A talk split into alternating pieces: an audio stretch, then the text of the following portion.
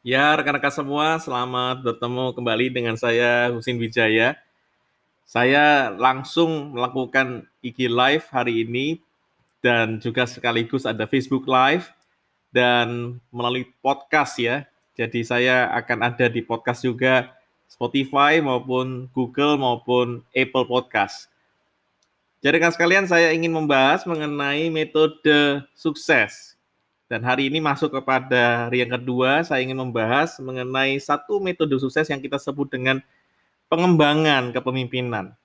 Jadi rekan sekalian, ada beberapa hal yang sering kali saya dapatkan ketika saya bicara di berbagai forum berkaitan dengan kepemimpinan. Misal contoh, apa benar ada orang yang sangat sulit sekali ya untuk dipimpin begitu. Jadi apa benar ada orang sulit di dalam kepemimpinan dan bagaimana kita memimpin?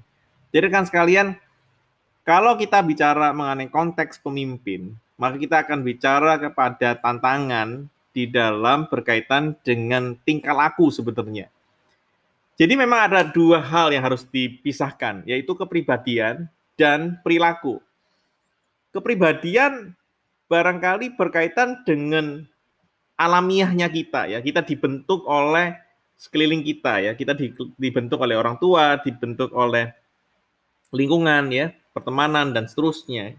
Ya, jadi ada istilah yang disebut dengan nature dan nurture. Ya, nature dan nurture itu ada berkaitan dengan kepribadian kita. Jadi kita e, berpunya pribadi ya, kepribadian yang dibentuk ya secara alamiah maupun juga di nurture ya, dididik oleh lingkungan kita. Tetapi behavior atau perilaku itu berbeda sekali ya. Itu suatu bagian yang sebenarnya fleksibel dan mampu dirubah sebenarnya ya mampu dirubah. Jadi kalau rekan-rekan memperhatikan banyak sekali buku-buku yang berkaitan dengan bagaimana merubah habit ya, bagaimana merubah kebiasaan dengan sekalian. Jadi kalau rekan-rekan melihat tentang kebiasaan ini, maka kita bisa katakan bahwa kepemimpinan itu bisa dirubah. Ya, kepemimpinan bisa dirubah. Kepemimpinan bisa di dirancang ya oleh karena apa? Oleh karena kita sedang me, apa, me, me, merancang ya perubahan perilaku ini. Jadi kan sekali ada kurang lebih ada empat eh, ke, apa ya empat perilaku yang sebenarnya ada di dalam manusia yang selalu dibahas oleh banyak pakar-pakar manajemen ya dan saya ingin mengungkapkan empat ini. Pertama adalah satu kepribadian atau satu kebiasaan yang sifatnya lebih warm ya jadi ini satu perilaku yang sifatnya tuh hangat. Jadi perilaku hangat ini apa? Perilaku hangat ini adalah being supportive. Jadi orangnya sangat support gitu ya, sangat positif, sangat empatik, ya kan? Kemudian sangat konstruktif dan sangat engaging ya, engaging. Jadi orang-orang yang tidak hanya sekedar bicara tentang pertemanan begitu ya. Jadi not simply friendly begitu ya. Jadi ini bukan orang yang hanya ramah karena pertemanan begitu. Tetapi ini adalah memang jiwanya, perilakunya ini adalah orang yang sangat uh, hangat. Tetapi ada juga orang yang sangat dingin, ya dingin. Ini orang yang sangat curigaan, orang yang betul-betul tidak mau nyampur sama eh, sama teman-temannya, nyampur sama orang lain, dan mereka uh, sangat fokus pada dirinya sendiri. Ini orang yang cold ya, atau orang yang dingin.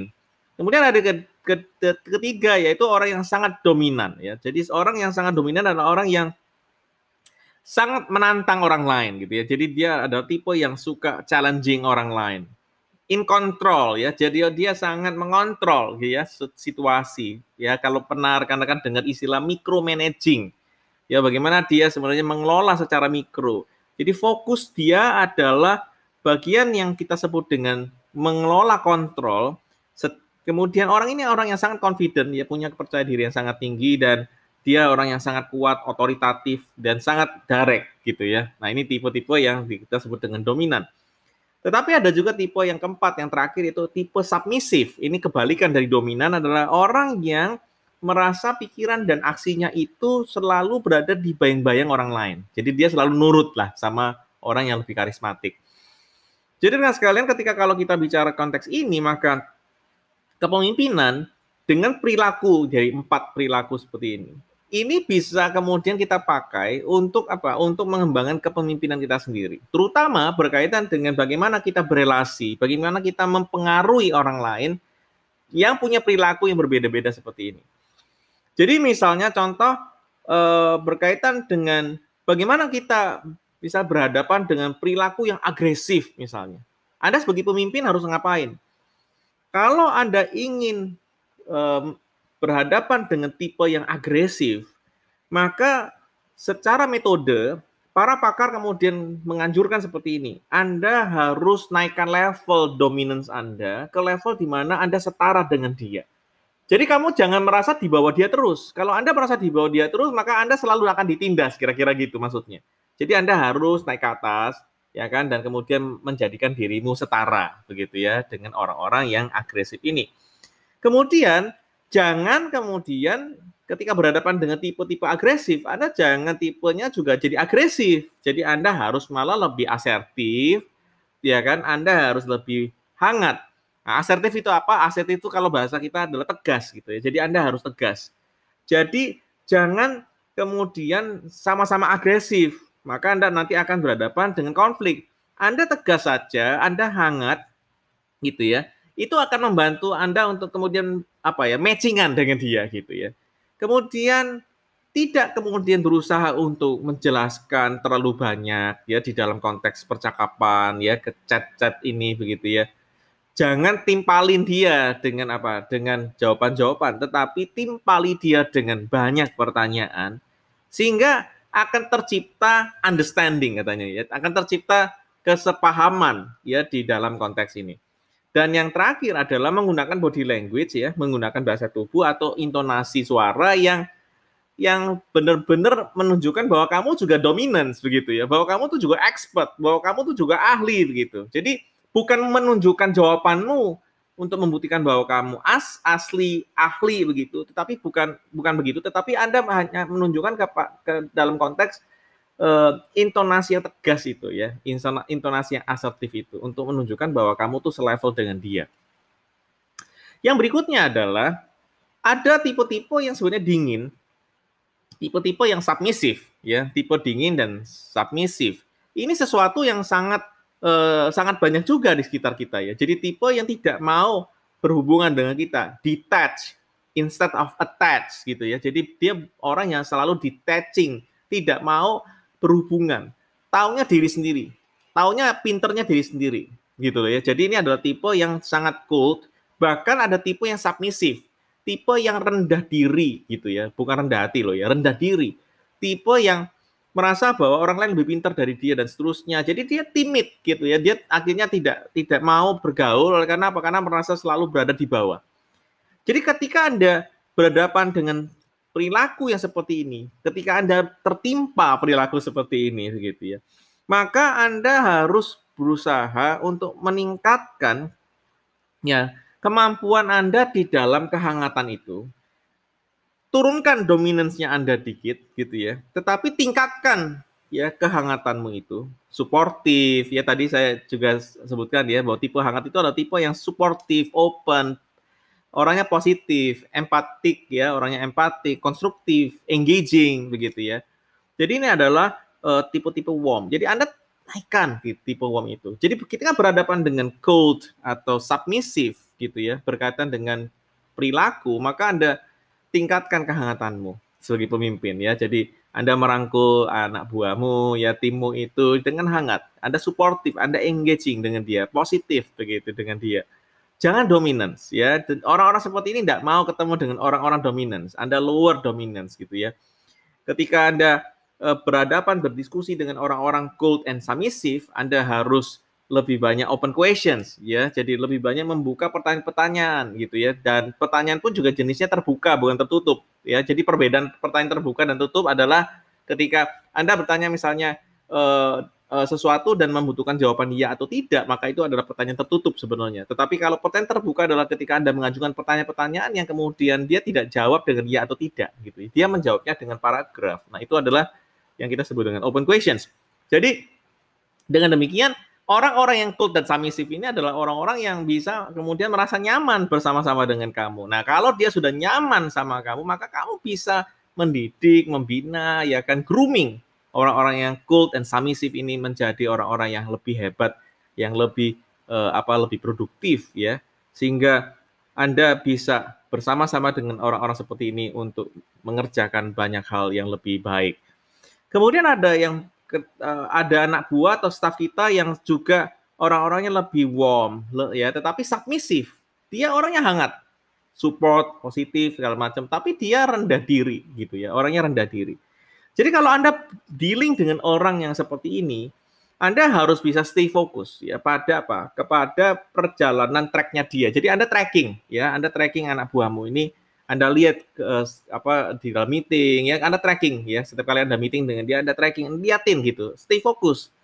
Kemudian gunakan open questions untuk appealing their social needs. Jadi artinya kita membuka pertanyaan-pertanyaan yang mendorong mereka untuk apa? Untuk uh, uh, uh, mengeluarkan ya uh, apa isi hatinya atas kebutuhan akan sosial itu. Sehingga uh, apa uh, sehingga mereka kemudian sadar ya bahwa apa bahwa mereka tuh orang yang hangat tetapi rendah uh, rendah diri. Ya, ini jadi uh, ada harus berhati-hati dengan konteks ini ya, gitu ya.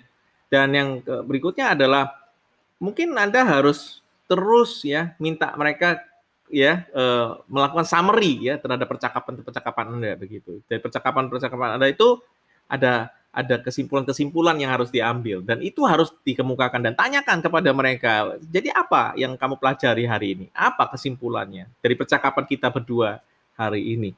sehingga Anda bisa dan bersama dengan orang ini bisa maintain clarity ya jadi bisa mempertahankan kejelasan ya mempertahankan fokus ya di dalam bagaimana dia menerobos tentang rendah uh, uh, dirinya ini kemudian ada tipe yang keempat adalah orang yang warm tetapi dia dominance jadi orang ini ramah sekali suportif ya kan positif ya ke engaging gitu ya. Tetapi dia sangat dominan, ya sangat dominan. Nah, tipe dominan adalah tipe yang challenging, tipe yang nabrak terus, tipe yang tidak mau ngalah terus begitu, tipe yang sangat sangat memikirkan tentang uh, pergerakan ke depan begitu. Jadi ini orang yang hebat sekali sebenarnya. Jadi kalau dealing dengan orang-orang seperti ini, karena biasanya orang yang warm dan dominant biasanya gampang konflik dengan kita kalau kita tipenya adalah lebih cool and submissive. Jadi Anda akan berantem terus sama dia. Jadi kalau Anda ingin berhadapan dengan orang yang warm dan dominance, ya Anda harus lebih tegas, lebih asertif. Katakan iya jika iya, katakan tidak jika tidak. Jangan ya terus, ya terus ya didorong terus sama dia, ya kan dipus terus sama dia. Anda harus bisa berargumentasi, bahkan bisa katakan tidak untuk untuk hal-hal tertentu. Jangan semuanya diain, gitu ya.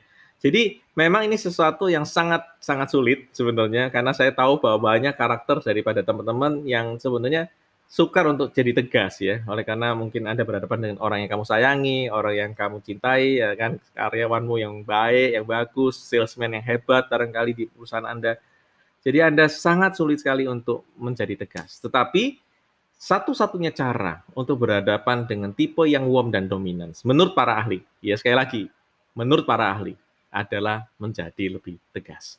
Jadi rekan-rekan sekalian, semoga apa yang kita paparkan, yang saya paparkan hari ini bisa membantu rekan-rekan untuk menyadari pola kepemimpinan Anda, ya. Dan dan Anda bisa kemudian menjadi pemimpin yang lebih hebat, ya. Bukan hebat karena Superman, tetapi hebat karena kamu bisa utilize, bisa menggunakan tim Anda ini yang tidak seberapa ini ya gitu ya.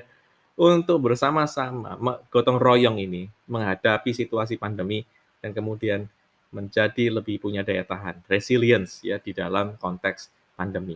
Kan sekalian, semoga Anda semua bisa bertahan ya dan tetap berdoa ya kan kekuatan doa adalah bagian yang tidak terpisahkan dari usaha kita sebagai manusia karena banyak hal ya ada Tuhan juga yang kemudian memimpin kita. Jadi kan sekalian, sekali lagi uh, ora et labora ya doa sambil bekerja adalah bagian yang sangat penting di dalam kehidupan kita terutama di masa-masa uh, pandemi ini. Semoga rekan-rekan sekalian bisa mendapatkan manfaat sebesar-besarnya dari program ini. Semoga kita bisa bertemu lagi nanti metode sukses yang berikutnya ya. Nanti kita ketemu lagi.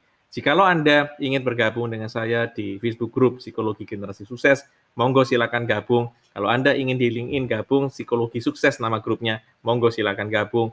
Jadi kalau Anda ingin melakukan pertanyaan, tanya jawab segala macam, Anda bisa bertanya di status. Kalau Anda malu, Anda bisa DM saya. Oke. Okay?